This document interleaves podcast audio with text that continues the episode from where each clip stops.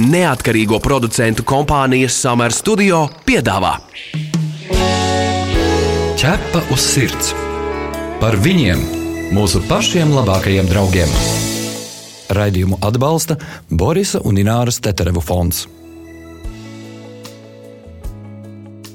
Esiet sveicināti Latvijas radio pirmajā kanālā. Raidījums ķepa uz sirds ir klāt pie jums. Mani sauc Magnus Eriņš. Mani sauc Inese Kreitsberga. Labdien, labvakar visiem!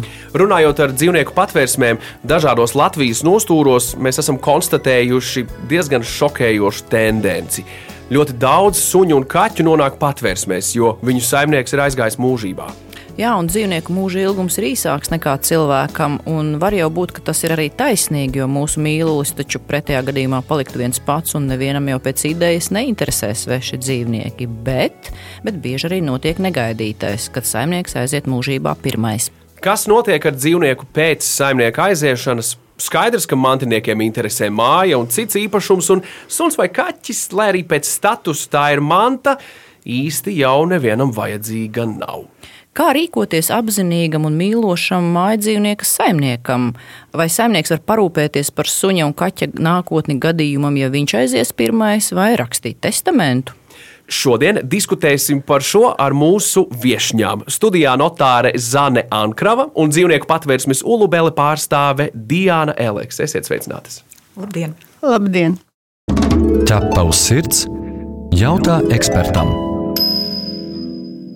Zane, Cik bieži cilvēki savos testamentos vēlas iekļaut informāciju par saviem mīluļiem? Es par to nesen sāku domāt, un man arī rodas ideja, ka to varētu izdarīt. Ļoti reti. Ārkārtīgi reti, es teiktu, manā prakses laikā, un es jau strādāju par notāru 17 gadus, tādi ir bijuši divi vai trīs gadījumi, kad uh, saimnieks, un viņš nemaz saimnieki, un viņi nemaz tik ļoti veci nebija, uh, nu, 50, plus ap 60. Lieli dzīvnieku mīļi viņi savos testamentos noteica, kādi pienākumi ir mantiniekiem pret viņu suņiem, ar kādu barību jābaro, pie kāda vetārsta jāved, un kāda ir tā ikdiena, nu, to dzīvnieku ikdiena, kas viņiem patīk, kas nepatīk. Teiksim, vienu suni bija jākasā aiz auss tādā veidā, otru tādā. Nu, protams, par šo oh, var, iesma par šo var iesmaidīt. Jā, par to var iesmaidīt, bet īstenībā tad, kad tas saimnieks nomirst un tad, kad varbūt tas cilvēks, kuram tas dzīvnieks patīk, bet tas arī ir viss, viņam viņš patīk, viņš pat nezina, ko ar viņu darīt. Tāda instrukcija, sākotnējā instrukcija, lai neapmūstu neviens, ne otrs, ir baigi noderīgā. Jo tas, tas, ko jūs izstāstījāt, tiešām izklausās pēc instrukcijas, un tas ir kaut kas viens, bet testamentā tāda kā nu, nezinu, vēlme vai, vai, vai vēlēšanās tas īsti nav. Jo, piemēram, ārzemēs ir praksa, kad mantojuma saņēmējs ir suns vai kaķis, tad sanāk, ka šis dzīvnieks pēc saimnieka nāves tiek apčubināts pēc labākās programmas, jo mantinieki cīnās, kurš dabūs aprūpes tiesības. Latvijā ir kas tāds iespējams? Nē, Latvijā tāda praksa nav, Latvijā tāds likums nav, Latvijā dzīvnieks nav, lai arī viņš ir dzīves ar sirdi, likums saka, ka tā ir manta, tā ir lieta, un pret to arī kā pret tādu lietu attiecas. Tu viņu vari pirkt, tu viņu vari pārdot, tad, kad tev kaut kas nav labi, tu viņu vari eitanizēt. Ja, nu, Tieši tā tas ir. Bet savu automašīnu, savu dzīvokli, savu bitkoinu, jebko, kas ir man aktīvi, es to nevaru atstāt savam mājdzīvniekam. Nē, tas nav iespējams. Bet jo... es ļoti, ļoti, ļoti vēlos. Un nav citu variantu. Un es spēru kāju pie zemes un saku, nē, es atstāšu visu savu mājdzīvnieku. Juridiski to sakārtot nevar. Tu vari pateikt savam nezinu, bērnam, sievai, ka klāv, es gribu, lai pēc manas nāves mans kaķis dabū tikai šādu ēdienu un tikai tādu. Bet juridiski tu nevari atstāt mantu, mantu noteiktu naudas summu dzīvniekam un tad pateikt, ka, kā viņi ir jāizdārē. Nē, nu tā mums nav. Tas vairāk ir anglu sakšu tiesībās. Amerikā Amerika, Anglijā, tad, teorēt, tad teorētiski es varētu radīt uh, biedrību, kur es ziedoju, nevis ziedoju, bet atstāju visu biedrību žanrs, piemēram, man kaķu vārdā nosaukt biedrību, kurai būtu jārūpējas par manu māju dzīvnieku. Tādā veidā viņš faktiski dabūtu šo aprūpi un viņam būtu iespēja iztērēt visu manu naudu ar cilvēku palīdzību caur biedrību. Ja? Jā, tas nozīmē, ka ir jāatrod kāds cilvēks, kurš uzņemtos šādas biedrības izveidošanu, uzturēšanu un būtu gan godprātīgs, lai to darītu. Tas, ko gan cilvēki dara, cilvēki novēl kaķus, ne, bet citreiz viņi novēlas mantu un naudu biedrībām. Ja? Un tad nu, ar, ar, ar tādu nu, novēlējumu, lai palīdz tiem nelaimē nonākušajiem mīluļiem, kas nu, tur ir, un tad viņi vienkārši iztērē to naudu. Jā. Nu, bet, paga, piemēram, nu, ir Mārīte. Mārīte ir mūža, Mārīte ir kaķis. Viņa Mārīte taču var novēlēt savu mūžu, piemēram, Jurim, ar nosacījumu, ka viņš par, par viņas kaķīti rūpēsies un baros ar rikriem tur trīs reizes dienā. Tā var. Jā, tā var, bet problēma nav kas kontrolē. Jā, ne? tieši tā. Nav, nav neviens, kurš kontrolēs, vai šis kaķis pēc šīs mūžas saņemšanas tiešām vēl ir dzīves un tiek barots ar šiem tikriem. Ķerpa uz sirds, diskutē. Piemēram, mūža uzturdošanas līgumā cilvēks pats, kuram tad, tad šis uzturs tiek dots, vai kā mēs sakām, ja, var sūdzēties par to, vai var pastāvēt par savām tiesībām, nu tad kaķis nekā nevar sūdzēties, vai kaķis vai suns dzīvnieks. Ja, tad, tad viņš ir diemžēl arī šajā gadījumā pilnīgi bezpalīdzīgi pakļauts cilvēku varai. E, Diana, pastāstīja, cik bieži ir šie gadījumi, kad dzīvnieks nonāk patvērsmē pēc saimnieka nāves. Tie ir gados veci saimnieki, vientuļi saimnieki un jā, seniori. Un cik daudz un kādi ir šie dzīvnieki? Es zinu daudz jautājumu, bet es ticu, ka tu tiks galā. Jā, es sākšu no viena gala, jo patiesību sakot, eh, dzīvnieku patvērsmēs tā ir problēma. Tā patiešām ir problēma arī dzīvnieku aizsardzības organizācijās, jo, nu, es teikšu, Ulubelē nav tādas dienas, ka neatskanētu zvans ar lūgumu uzņemt kāda miruša cilvēka dzīvniekus. Un labi, ja tas ir viens suns vai kaķis vai kāds cits mājdzīvnieks, bet reizēm tie ir 13, 11, 27 un tā tālāk. Un, jā, nevarētu teikt, ka visi šie ir gados veci cilvēki. Ir arī jaunāki cilvēki, kuriem ir aizgājuši mūžībā, nepadomājot par to, kas būs ar viņu mājdzīvnieku pēc viņa aiziešanas. Un uh, patiešām drīzāk uh, es varētu teikt, ka Latvijā vairāk rūpējas par uh, cilvēku, rūpējas par savu mantu, kas būs ar viņa mantu, vai mīļo māju, vai mīļo īpašumu pēc viņa nāves, nekā par to, kas būs ar viņa dzīvnieku pēc viņa nāves. Un patiesībā sakot, lielai daļai cilvēku, es domāju, ir tāda tabū tēma, vai bail runāt, vai bail pat domāt par šo jautājumu, jo visi pieiet tā, es teiktu, nu, tā viegliprātīgi ar domu, gan, gan jau būs labi, gan jau es pārdzīvošu savu mājdzīvnieku, gan jau viņš nepaliks viens. Vai arī vispār par to nedomā, vai arī tā vispār nav viņa rūpe vairāk. Un tāds gadījums, ka cilvēks novēlētu uh, savu nu, tā, uzrakstītu instrukt, instrukciju testamentā par to, kā mājdzīvnieku barot, kā viņš um, labi jūtās un kā, viņu, teiksim, nu, nodzīv, kā viņam nodzīvot mūžu līdz galam labi. Nu, es neesmu, tas man liekas, ir tāds izcils piemērs, ko vajadzētu nu, popularizēt bieži visapkārt. Zane, kādi ir ieteikumi mīlošiem saimniekiem, nu, kas saprot, ka nevienam rītdiena nav garantēta, un kurš aizdomājas, kas notiks ar manu kaķi vai suni manas nāves gadījumā? Izrunāt ar saviem tuvajiem, ko tu kādu mūžu tu gribi novēlēt savam mīlulim pēc tam, kad tu aizēji mūžībā. Protams, var rakstīt testamentu, bet tas ir tāds, nu, juridiski tāds top, top dokuments, bet tev vienkārši, ja tev ir tavs kaķītis vai kāmītis, un tu zini, ka tavs bērns vai nezinu, kaimiņiene ir gana uzticams un tiks ar to galā, nu izrunā ar viņu. Nu, pajautā, vai tu pēc manas nāves paņemsi to manu kaķi. Jums bija labs piemērs, kur jūs redzējāt, kā tas darbojas dzīvē.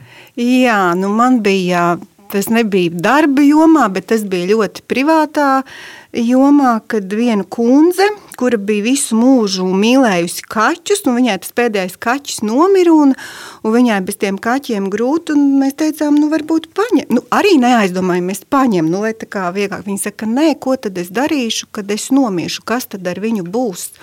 Un, un zin, pilnīgi tā kā skudriņas izskrien, tantuks tāds uh, gados un domā par to kaķīti. Un tad viņi vienojās ar vienu savu paziņu, kurai bija tieši sadzimuši, nu, lauki, mēs pa laukiem runājam, kaķīši, un viņa teica, ka es to vienu kaķīti paņemšu, bet, ja es nomiršu, tad tev tas kaķis jāpaņem atpakaļ. Viņa apsolīja. Un viņa apsolīja, un tieši tādas arī nostrādāja, ka kundzīte aizgāja mūžībā, un tas kaķītis atgriezās pie savu sākotnējā īpašnieka. Un tā, nu, es, tie tādi labās prakses piemēri, par ko mēs tagad runājam, protams. Tu esi mans draugs, ķepus sirds. Diana, jautājums tev savukārt, vai gados vecu saimnieku nāves gadījumā arī paliek suņi un kaķi seniori? Vai arī bieži ir gadījumi, kad eh, seniors paņem kucēnu un kaķēnu, un, tam jau visai liela iespējamība ir nu, pārdzīvot savu saimnieku? Ir visādi gadījumi. Protams, ļoti bieži gadās patversmē atbrauc cilvēks eh, ar spieķi gados, un eh, tas, ko viņš vēlās, ir kucēnu vai kaķēnu. Un tad mums ir ļoti garas sarunas par to, cik ilgs ir dzīvnieku mūžs, cik ilgs ir cilvēka mūžs. Reizēm liekas tā, ka tu runā nevis ar cilvēku pieredzējušu, kas ir jau gados, kuram vajadzētu būt viedam un saprotošam, bet tu runā ar mazu bērnu, kurš līdzīgi tāpat kā bērns negrib saprast realitāti un piesit kāju grīdā un saka, nē, bet es tomēr gribu to kucēnu vai kaķēnu. Bet jā, patversmē nonāk droši vien tie pēc saimnieka nāves tie nelabākās prakses piemēri, kā mēs sakām, jo visbiežāk nonāk uh, dzīvnieki pilnīgi anonīmi. Jo cilvēks pat nav papūlējies ne tikai vienoties ar saviem tuviniekiem, ne tikai izrunāt šo jautājumu, kas būs, ja aizies mans suns, vai ja es aiziešu un suns mans kaķis paliks, bet viņš vispār nav neko pastāstījis, nekādu informāciju atstājis. Un, uh, suns vai kaķis, kurš ir nodzīvojis varbūt visu savu mūžu, desmit un vairāk gadus, ar savu vārdu, ar saviem īpašiem ieradumiem, ar savu mīļo cilvēku kopā, vienā mirklī kļūst būtībā anonīms. Varbūt jo, varam minēt kādu piemēru, kas jums ir bijis no pēdējā laika tādiem mums gadiem. Tādi regulāri. Mums tādi ir regulāri. Jo, piemēram, ir policijas izsaukums, cilvēks ir miris dzīvoklī, un nav pat it nekas atstāts, nekāda ziņa par to, kā kaķītis sauc. Nu, mēs, mums nav tiesību teiksim, tā atvērt atvilknes un skatīties, ar ko viņš ir barots. Mēs nezinām neko par viņa ieradumiem. Mēs nezinām, cik viņš ir vecs. Mēs nezinām, vai viņš ir sterilizēts vai viņš ir vakcinēts. Neko. Būtībā pilnīgi anonīms uh, dzīvnieks. Bet kas būtu jādara, lai mēs tādās situācijās nenokļūtu? Šajā tēmā es gribētu teikt, ja cilvēkam nav tuvinieku vai nav tādu tuvu cilvēku, ar kuru viņš varētu izrunāt šo tēmu, nu tad vismaz nebūt tādam egoistam un padomāt par to savu dzīvnieku, atstājot informāciju. Nu, kaut vai redzamā vietā noliec šo informāciju kā sauc kaķi, kā sauc suni, par visu, par viņu ieradumiem, par viņu uh, vecumu un tā tālāk. Otra lieta, es domāju, ārzemēs diezgan bieži praktizē šādu lietu, ka pat cilvēks, vientuļš cilvēks, ja viņš iziet no mājas, viņš parūpējās par savu dzīvnieku gadījumā, ja kaut kas ar viņu notiek ārpus mājas. Un viņam ir līdzi zīmīta viņa dokumentos, dokumentu mapītē iekšā, manā mājā, tādā un tādā adresē palika tik un tik dzīvnieki, viņus sauc tā un tā, lūdzu, izglābiet viņus. Tas tāds labs ieteikums cilvēkiem, kuri negrib domāt par nāvi. Nu, labi, nedomājiet, nu, domājiet, ja kaut kur ir varbūt īslaicīgi jā, jāizbrauc. Nu, nu, kaut vai tik mierinoši to mazo zīmīti jau var uzrakstīt. Nu, jā, jo mēs vienmēr mēs arī. Nu, Cilvēkiem liekas neētiski, ja tu viņam jautā, vai jūs esat padomājis, kas notiks ar jūsu dzīvnieku, ja jūsu vairs nebūs. Kāpēc tas ir neētiski? Viņiem tā liekas. Mums tas neliekas neētiski. Jo, Paga, paga, jo vecāks cilvēks, jo viņam ir varbūt bailes par to domāt un runāt. Nu, jā, jauniem cilvēkiem liekas, ka tas uz viņiem neatiecās vēl, un veciem cilvēkiem varbūt ir, nu, jā, viņiem ir bail runāt par šo tēmu.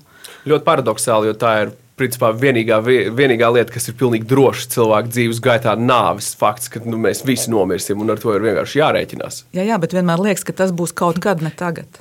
Atgādinām, ka pie mums šodienas studijā ir notāre Zane Ankrava un dzīvnieku patvērsmes ulubele pārstāve Diāna Elekse. Mēs diskutējam par to, vai testamentā var ierakstīt kaķi vai suni, un kur paliek mājdzīvnieks, ja saimnieks aiziet mūžībā. Šo radio pārraidi, protams, varēsiet dzirdēt arī podkāstu formā visās populārākajās straumēšanas vietnēs, kā arī mājaslapā www.ķepaus sirds LV arhīva sadaļā.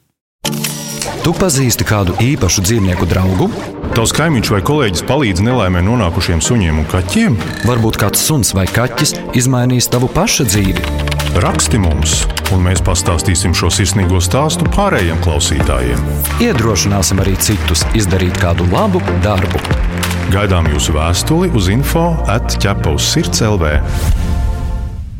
Mēs aizskārām tādu sarunu par nāvi, ja, cik tas ir ētiski par to runāt vai nē. Mēs esam runājuši ar psihoterapeitiem, kuri ir atzīmējuši to, kāpēc seniors gados vecāks cilvēks tieši grib kucēnu vai kaķēnu, jo no turienes, no šī dzīvnieka mazā viņš var vairāk dabūt to jaunības enerģiju, bet savukārt tas seniors suns un kaķis arī viņam atgādina par to, ka viņš ir vecs, slims un drīz nomirs. Tā ir tāda zemapziņas tāda situācija. Vai Diana arī tu piekrīti tam, ko tu redzi patversmē, kad nāk adoptēt suni vai kaķi un grib tieši kaķēnu vai kucēnu?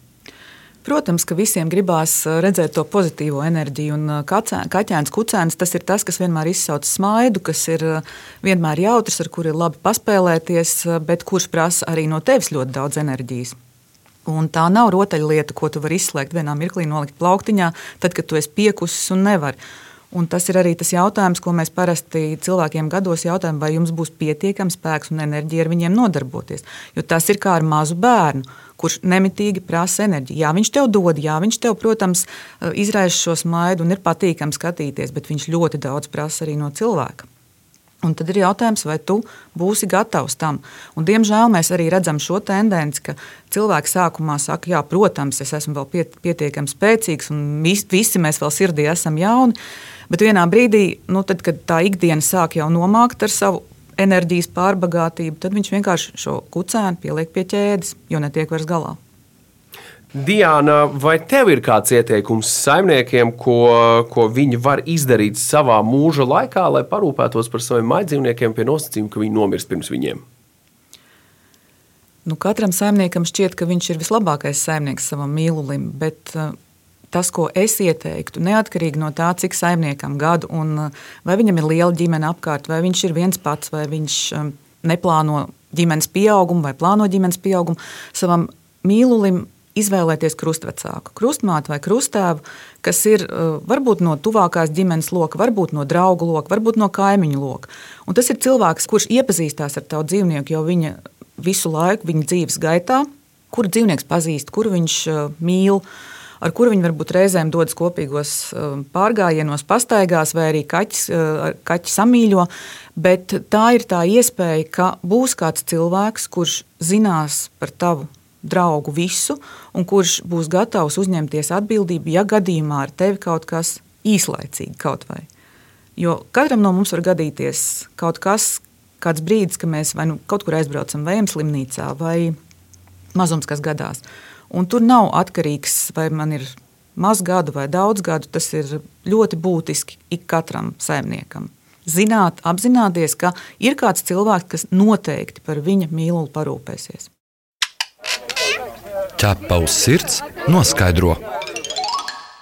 Bet no otras puses, vai mēs arī šodien neatklājam tādu mazliet šokējošu jaunumu par to, ka tomēr tajā pēdējā gada vai divu laikā ir arī mirstība salīdzinoši palielinājusies? Jo jūs teicāt, ka agrāk, pirms pāris gadiem, tikai dažas reizes gadā nonāca patversmē mīluļi, kas um, nu, bija pēc saimnieka nāves, tagad viņi ir daudz biežāk. Nu, par mirstību man grūti pateikt. Tas droši vien jāprasa ir statistikai. Bet, bet jums ir tā statistika, ko jūs redzat? Bet es gribētu teikt, ka iespējams, ka šie dzīvnieki, mirušu cilvēku dzīvnieki, nonāk uh, ne tikai tādēļ, ka cilvēki vairāk mirst, bet tādēļ, ka viena daļa uh, radinieku negrib, nav gatava uzņemties atbildību, un tāpēc viņi atved dzīvniekus uz patvērsmi.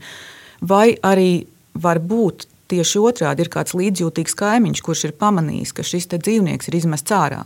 Un varbūt agrāk neviens par to nebūtu ziņojis, teicis, bet uh, lūk, teiksim, mantinieki, saņemot dzīvokli, uzskata, ka nu, šī manta, tas dzīvnieks, tas kaķis, galīgi te nav vajadzīgs, un viņi izmet ārā. Un jūs zināt, ka mājas kaķīti izmet ārā uz ielas, viņš nevar izdzīvot, diemžēl. Un tāpēc gadās tā, ka zvana kaimiņi un saka, jā, es redzu, ka šis kaķis, kurš bija visu laiku man kaimiņa dzīvoklī, šobrīd ir jau otro mēnesi uz ielas, kaimiņš ir miris. Ļoti spilgts bija stāsts par roli suni. Jā. Kāds tur bija tas stāsts un kāda tā mantinieku reakcija bija? Rolis ir jau gados liels, liela auguma foršs suns, kurš um, patiesībā sakot, piedzīvoja briesmīgu savu saimnieku nāvi.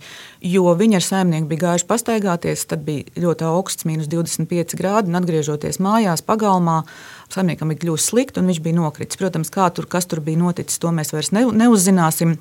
Bet fakts kā tāds, ka Rolis pie sava saimnieka rokas, tātad uh, saimnieks viņu veda pavadā, uh, nogulēja trīs dienas, minus 25 grādu salā, jo saimnieks nevarēja pakustēties un viņš nevarēja izrauties. Un tad vienīgais, kas liecināja par saimnieka nāvi, bija roļa raudāšana, smilkstēšana, ko kaimiņi izdzirdēja pēc trešā, trešajā dienā, un tad uh, pamanīja, ka kaut kas nav kārtībā, ienāca pagalmā un atrada šo te diemžēl bēdīgo ainu. Rolis uh, nebija vienīgais suns savam saimniekam, bija vēl divi suņi iekšā mājā, kas bija dzīvojuši iekštelpās. Un, um, saimnieka meita, protams, atbraucot, teica, ka viņai šie suņi nav vajadzīgi. Un, starp citu, ļoti bieži gadās tā, ka cilvēku attiecībās cieši dzīvnieki. Jo, ja, piemēram, uh, vecākiem ar bērniem dzīves laikā ir bijis konflikts, tad uh, bērni šādā veidā nu, Es At, negribētu atriebjas. teikt, ka atriebjas, bet nu, atspēlējas, sakot, ka nu, viņš par mani visu dzīvi neinteresējās. Es tagad arī par viņu dzīvniekiem nelikšos nezīmes. À, noteikti tas, ka dažkārt ir greizsirdīgi uz to vecāku, kurš varbūt to suni vai kaķi mīl vairāk par to bērnu. Ja? Nu, tad- es pat nedomāju, ka tā ir greizsirdība. Tā ir drīzāk tāda nu, kaut kāda tā iekšējā sajūta. Tu nelikies par manis nezīmes, nu, tad, kad man tevi vajadzēja. Nu, man arī tagad neinteresē, kas ar taviem dzīvniekiem notiek. Ķepavs sirds, suņu būda. Zana, bet man pārsteidz, ka tomēr ir tik maz cilvēku, kuri uh, veicot vai, vai rakstot šos testamentus, um, nu, grib pieminēt savu mājdzīvnieku. Vai tas nav tomēr arī nu, notāra, varbūt ne uzdevums, bet nu, tā, tā, tāds ieteikums arī viņam pajautāt konkrētam cilvēkam par tiem dzīvniekiem? Varbūt cilvēkam pat neienāk prātā, ka viņam testamentā šādas lietas ir atrunājamas. Viņš jau nezina, cik tā mēs bieži pie notāriem ejam. Es domāju, pilnīgi noteikti arī man droši vien līdz tam pirmajam gadījumam neienāca prātā par šiem dzīvniekiem. Jo es, Nu, ne- es, atļa, es atvainojos, ka es pārtraucu, Jā. jo tieši es gribēju pateikt, ka Zana ir tas notārs, kurai patiesībā ir vienīgai bijusi pieredze ar šiem gadījumiem, jo tika apzināta lielākā daļa notāra, un tikai Zanai vienīgai bija pieredze ar šādiem gadījumiem. Tie viņas dzīves laikā ir bijuši tikai trīs. Jā, Tas jau viņi- vien par kaut ko liecina. Viņi pavēlkās uz notāru kaķu mīli, droši vien tāpēc.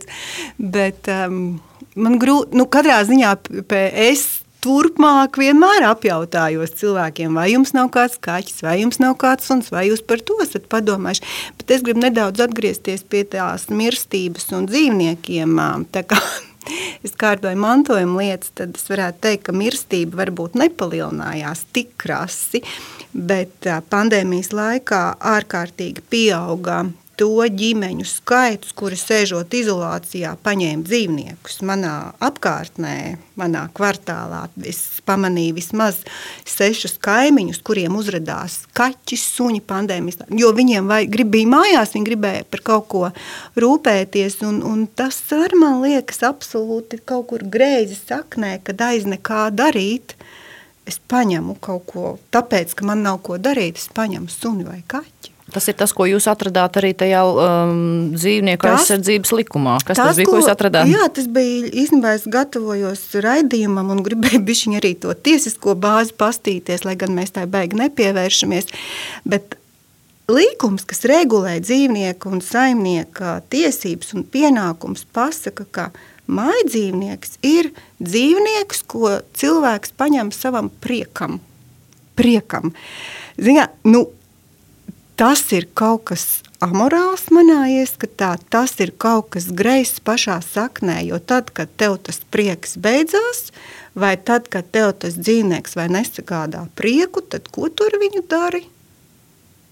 Nu, tad tu no viņa atvadies un pasaki, paldies, es izpriecājos. Tas, man liekas, tas, tas formulējums ir jāmaina, jo tas formulējums iedod kaut kādu vispār karmisku enerģiju tam, tam visam pasākumam. Nu, tikpat tā morāli, ka nepareizi. civil likumā dzīvnieks ir mantas statusā, un par statusa maiņu dzīvniekiem jau mēs runājam daudz un, un dažādos veidos, bet nu, nekas tajā lietā netiek darīts. Jo, piemēram, minam piemēru Šveice. Šveice ir valsts, kura mainīja dzīvnieku statusu no mantas uz dzīves būtnes statusu, kas ļauj gan saņemt šo mantojumu, eh, gan arī ir dzīvnieku advokāti, kas var pārstāvēt dzīvnieka tiesības tiesā. Tas nozīmē, ja pret dzīvnieku ir vērsta kāda vardarbība, tad ir konkrēts dzīvnieku advokāts, kas var pārstāvēt šo dzīvnieku tiesā. Nu, pie mums tas nav iespējams, un tas varbūt tas absurdākais moments, kas Es ir varbūt domāju, jāmaina ka- pirmais. Es domāju, ka dā, tas, kas ir, uh, es pat neteiktu absurdi, bet mēs, kā jūs sakat, mēs uztveram to kaķi tā kā, tieši tāpat kā bitkoinu vai, nezinu, vai automašīnu. Un uh, likumsargi mazliet ievīpsnā par to, tiesā mazliet ievīpsnā, nu, ko tu tur kā suni turēji ķēdē. Nu, viņš jau tā labs cilvēks, rekurtāts, burvīgs raksturojums no darba devēja. Kamēr nebūs kaut kāda parauga prāva, nopietnas sots. Es nesaku, ka obligāti cietums, bet nu, naudas izteiksmē tā, ka tev nu, ir ļoti, ļoti slikti, un pārējie nenobaidīsies no tā. Tikmēr es domāju, tā arī, tā arī izturēsies. Jo ir jābūt paraugu prāvai. Un tad, kad ir paraugu prāvas, tad visi mazliet iebaidās. Pastieties ar ātrumu ierobežojumiem. Ne jau mēs esam šausmīgi apzinīgi pilsoņi un ievērojam ātrumu. Nē, Bailes mēs no baidamies, mēs baidamies no radara, un tāpēc mēs bremzējam. Un tieši tāpat vajadzētu nobremzēt tajā brīdī, kad tu gribi sist, spērt vai dedzināt to balodi. Bailes no soda viņām ir jātur. Tas nav varbūt pareizi, bet tas būs tas, kas strādās sākumā. Un tad audzināšana, un tad sociālās kampaņas, bērndārs, skola. Un tad jau pēc 50 gadiem es redzu, ka tas jau ir nevis baiļu dēļ, mēs kaut ko darām, bet tikai tāpēc, ka mēs zinām, ka nevajag pārdarīt kam tādam, kam, kam, kam nav jādara pāri. 50. Pirmkārt, un, un otrkārt, tas jau būs iesakņojies vispār pieņemtās uzvedības normās, ka ir atbildība par, par sadarīto. Bet Tāpēc tā es jau tas- daru, lai, lai viss būtu labi. Bet tā jau tas notiek. No sākuma ir jābūt kaut kādam grūdienam. Nu, jo mēs esam tādi, kā mēs esam. Nu, ko darīt? Tad, nu, tad, lai likums mums palīdz kļūt Jā, labākiem. tā ir tā sāpīgā tēma, par ko dzīvnieku aizsardzības organizācijas jau gadiem cīnās par šīm te likumdošanas izmaiņām, bet vēl runājot par to, atgriežoties pie tā prieka, pēc dzīvnieku paņemšanu priekam, mums tik, tikko ir bijis gadījums arī uh, tieši šajā kontekstā. Pirms deviņiem gadiem ir adoptēts suns no patvērsmes. Meita ir adoptējusi savai mammai, un tagad ir pagājuši deviņi gadi. Māma ir aizgājusi mūžībā, un suns nav vajadzīgs. Un suns tiek atvests atpakaļ bez jebkādas nu, nezinu, apzināšanās, ka principā tev vajadzētu parūpēties par viņu uzturdošanu līdz mūža beigām vai, vai kaut kādā veidā. Nē, tas tā kā patapinājums. Paņemts, atvests atpakaļ. Pat ja atved uz patvērsmi, cilvēki negrib, nevar paturēt, nu tad esiet tik prātīgi un arī kādu ziedojumu atstājiet. Nevis uzskatiet, ka patvērsmē ir jābūt pateicīgai par šo dzīvnieku. Tieši tā, jo patvērsmē šī nauda. Šie uzturlīdzekļi nekrīt no debesīm, un par katru dzīvnieku ir uh, jārūpējās. Jo it īpaši, ja saimnieks nav līdz tam rūpējies, nav viņu nedz vakcinējis, nedz sterilizējis, nedz kaut kādā veidā veselības aprūpi, rūpēs par veselības aprūpi, nu tad patvērsme šobrīd izdara visu to, kas ir saimnieka vietā jādara, un plus vēl uztur viņu līdz tam brīdim, kamēr ar cerību, ka viņu adoptēs, vai arī līdz viņa aiziešanai mūžībā. Jā, nu, tēma tāda smaga patiesībā, bet tajā pašā laikā katram ir vērts aizdomāties, jo mums jau tie dzīvnieki ir paši svarīgākie, un viņi ir svarīgi tikai mums. Un tad es tā domājot par šo raidījumu, arī gatavojoties, atcerējos, taču ir mums tie piemēri, kur ir um, Ēģiptes, eģiptiešu faraoni, kad viņi devās mūžībā, viņi arī lika, lai viņu dzīvniekus ar viņiem kopā apglabātu. Tā kā varbūt šī sajūta un apziņa, ka tas dzīvnieks pēc manas nāves nevienam nebūs vajadzīgs, to jau saprata Eģiptes faraoni. Jā, paldies par šo raidījumu. Tas, kas man palika pāri no, no šī, šīs epizodes, ir tas, ka mums ir ar steigu jāmaina likums, lai mēs vienreiz no tās mantas tiktu vaļā tādā ziņā, ka tā ir dzīva būtne un uh, mums, uh, mums ir jārēķinās ar, ar dzīvu būtni turpat pretī.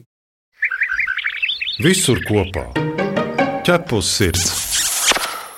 Paldies mūsu viesņām. Šodien studijā pie mums bija notāre Zāne Ankrava un dzīvnieku patversmes Ulubele pārstāve Diāna Elekse. Atgādinām, ka ķepa uz sirds TV raidījumam varat sekot līdzi katru sestdienu, pulksten 11.15 un atkārtojumā svētdienās LTV1. Mēs arī gaidām jūsu jautājumus, ierosinājumus, idejas, sižetiem. Rakstiet mums info atķepus sirds.lv. Bet šajā raidījumā tas ir arī viss. Mani sauc Inese Kreitsberga. Mani sauc Magnus Eriņš. Raidījumu veido neatkarīgo producentu kompānija Summer Studio. Visu labu! Atā! Ķepa uz sirds! Informatīvi izglītojoši raidījums par dzīvnieku pasauli un cilvēkiem tajā. Raidījumu atbalsta Borisa un Ināras Teterevu fonds.